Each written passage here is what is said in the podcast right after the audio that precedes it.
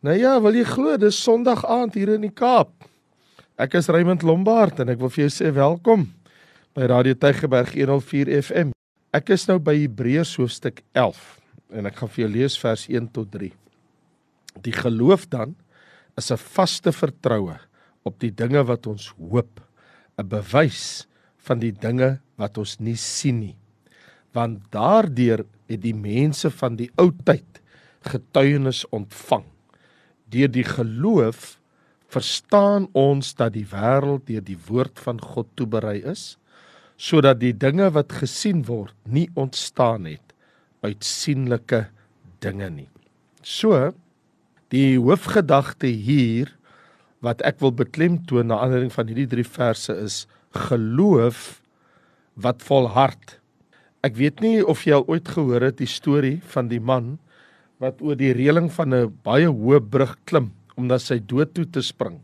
En net voor hy spring, toe kry 'n polisieman hom aan die kraag beet en hy trek hom terug. En hy sê: "Wat wat wil jy nou doen? Wat vang jy aan?" En die man sê vir hom: "Die arme man wat daar wil afspring van die brug af." Hy sê: "Jy verstaan nie hoe miserabele lewe ek het nie. My hele lewe is hopeloos. Los my, laat ek spring." Sê die arme man. Maar die goedhartige konstabel, hy hou vas vir lewend dood en hy sê vir hom: "Kom ek maak jou voorstel. Neem 5 minute en gee jou redes hoekom die lewe nie die moeite werd is nie. Dan sal ek 5 minute my redes gee hoekom ek dink dit die moeite werd is vir jou en vir my. En aan die einde van die 10 minute en jy voel nog steeds om te spring van die brug af, sal ek jou nie meer keer nie. En die man neem toe sy 5 minute en hy gee toe sy storie. En toe hy klaar is, gee die konstabel sy 5 minute daarna, toe vat hulle al twee hande saam en toe spring hulle saam van die brug af. Wel, hier is die storie. The moral of the story is ons mag nou wel glimlag of lag oor hierdie galge humor, maar dis vandag se wêreldkultuur. En wat mense wil afforceer op die Christelike godsdiens wat op 'n syspoor gerangeer is om plek te maak vir sekularisasie en humanisme. Want jy sien, as jy God buite rekening laat uit jou lewensbeskouing, uit jou sienswyse van die lewe, dan is die kosmos een groot kosmiese ongeluk. Gaan dit dan maar moeilik wees om die lewe met al sy onvermydelikhede in sy terugslag aan te durf net soos hierdie twee manne van die brug se storie. Jy sien vir die Christen gelowige is daar genoeg substansiële redes vir hoop in hierdie lewe en die lewe om te kom. Omrede die heerlike beloftes van God. So hoor hierdie ene. Hebreërs en kyk nou na geloof se karakter. Hebreërs 11 vers 1. Deur die geloof want ons ons glo mos en ons staan mos op die woord van die Here. Verstaan ons? Die geloof dan is 'n vaste vertroue op die dinge wat ons hoop, 'n bewys van die dinge wat ons nie sien nie. So die graad van ons ervaring is proporsioneel tot die graad van ons geloof. Dit wil sê, hoe meer diepgaande ons geloof, hoe meer diepgaande ons hoop. Want jy sien, geloof produseer hoop en hoop produseer lydsaamheid en lydsaamheid en geduld volharding. So geloof en hoop weet niks van opgee of oorgee nie. Opgee of oorgee is nie deel van geloof en hoop se woordeskat nie. So die karakter van geloof word hier in ons teksvers vers 1 duidelik uitgespel. Omdat soos ons tereg hierso gesien het, hierso staan dan ook so dat die karakter van geloof in hierdie woord bewys die dinamiese sekerheid omrede God dit beloof het. In ander woorde, my en jou geloof is nie gebou op 'n gevoel nie. Dis nie gebou op optimisme nie. Dis nie gebou op positiewe denke nie. Dis nie gebou met en op 'n vermoede nie. Dit is nie sentimentaliteit nie. Ware geloof is nie breinloos nie. Ware geloof is 'n soliede oortuiging, 'n dinamiese sekerheid wat rus op God se woord, die woord van God. En dit maak soos Hebreërs 11 vers 1 sê, dit is 'n bewys van die dinge wat ons nie sien nie. In ander woorde, God se woord maak die toekoms teenwoordig en die onsigbare sigbaar vir die geloofsoog. So geloof gee substansie, fondasie. Dit gee 'n vastigheid aan ons hoop. So ons het 'n soliede dinamiese sekerheid oor die toekoms en dit is gegrond op God se woord. So wat is hierdie soliede sekerheid oor die toekoms wat ons voorhoop as Christene, as gelowiges? 1 Ons hoop op Christus se spoedige wederkoms. Dit staan mos so in Titus 2 vers 13. Terwyl ons die salige hoop en die verskyning van die heerlikheid verwag van die grootte God en ons verlosser Jesus Christus. So baie duidelik ons salige hoop. So hierdie hoop wat ons het is Christus se wederkoms wat nie van ons kan weggeneem word. Hier's 'n tweede ding. Ons hoop nie net op die spoedige wederkoms nie, maar ons ons hoop ook op die heerlikheid saam met Christus. Want ons het hierdie belofte in 1 Johannes 3 vers 1 tot 3. Kyk wat 'n groot liefde die Vader aan ons bewys het dat ons kinders van God genoem kan word. Om hierdie rede ken die wêreld ons nie omdat dit hom nie geken het nie. Geliefdes, nou is ons kinders van God en dit is nog nie geopenbaar wat ons sal wees nie, maar ons weet dat ons as hy verskyn aan hom gelyk sal wees omdat ons hom sal sien soos hy is. En elkeen wat hierdie hoop op hom het, reinig homself soos hy rein is. Elkeen wat hierdie hoop op hom het. So nie net hoop ons op die spoedige wederkoms van Christus nie, maar ons hoop ook op die heerlikheid dat ons dieselfde verheerlikte liggaam as Jesus Christus sal hê, die liggaam waarmee hy uit die dood uit opgestaan het. Maar dis nie al nie. Ons lees in 2 Timoteus hoofstuk 2, daar in vers 12, dat ons het nog 'n hoop en dit is as ons verdra, sal ons saam met hom regeer. So ons het hierdie hoop Nie net kom Jesus spoedig terug nie. Nie net kry ons 'n verheerlikte liggaam nie, maar ons sal ook saam met Christus regeer. So dit sien ons dat in Hebreërs hoofstuk 11 vers 1 geloof se karakter en dit is gefestig in die hoop op wat God vir ons gesê het en wat hy vir ons gegee het. Maar dan sien ons hier in vers 2 geloof in aksie want Hebreërs 11 vers 2 sê want daardeur het die mense van die ou tyd getuienis ontvang. So nou dat ons geloof se karakter gesien het hier in vers 1, geloof is 'n vaste vertrou op die dinge wat ons hoop, né? Nee? sien ons hier want daardeur vers 2 het die mense van die ou tyd. Nou wie is hierdie mense van die ou tyd? Daar is natuurlik baie die hele Ou Testament verhaal hulle om maar een van die gevalle te noem wat van Sadrag, Mesig, Abednego wat in die vuuroond was en wat van Daniël en wat alles daar uitgespeel het. Ek kan jou mos en ek en jy ken mos geweldig baie verhale in die Ou Testament van mense wat deur die geloof getuienis ontvang het om maar vir jou een op te noem. Hier in Daniël hoofstuk 3 lees ons vers 15 die koning sê vir 'n koning Nebukadneser as jy die geluid hoor van die fluit en die horing en die luit en die harp en die doedelsak en musiekinstrumente neerval en aanbid nie hy sê dan gaan ek julle in die brandende vuuroond gooi. En Sadrag Mesig Abednego antwoord koning ons ag dit nie nodig om hierop 'n antwoord te gee nie. As ons se God wat ons dien in staat is om ons te verlos, sal hy ons ook uit die brandende vuur oond en uit u hand ook koning verlos.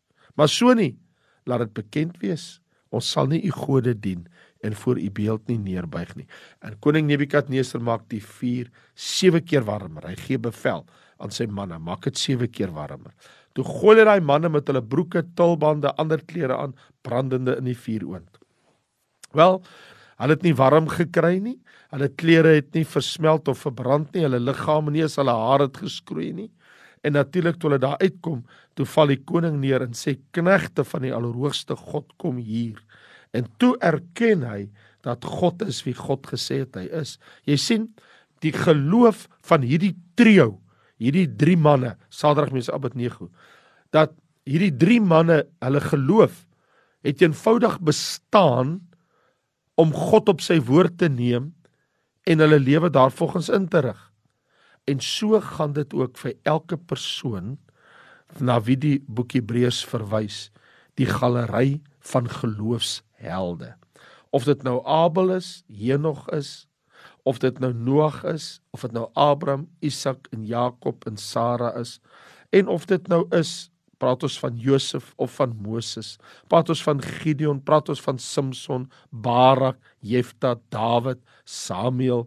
Van wie praat ons? Praat ons van Daniël, praat ons van sy vriende. Al hierdie het deur geloof, geloof in aksie op God vertrou. So hier is dit. Want daardeur het die mense van die ou tyd getuienis ontvang. In ander woorde, hulle geloof in God het nooit beskaam nie. Want ons lees in vers 3 van Hebreërs 11. Deur die geloof verstaan ons. Wel, dit is baie insiggewend. Geloof maak dat jy iets verstaan. Wat verstaan ons? Dat die wêreld deur die woord van God toeberei is sodat die dinge wat gesien word nie ontstaan uit sienlike dinge nie. Want dis waar. Ons lees in Genesis 1, God het gesê, laat daar lig wees. Laat daar in son en maan en sterre wees. En God het net 'n woord gespreek, laat daar diere kom en God het gesê laat daar plante wees wat en saad en bome wat elkeen gee volgens sy soorte.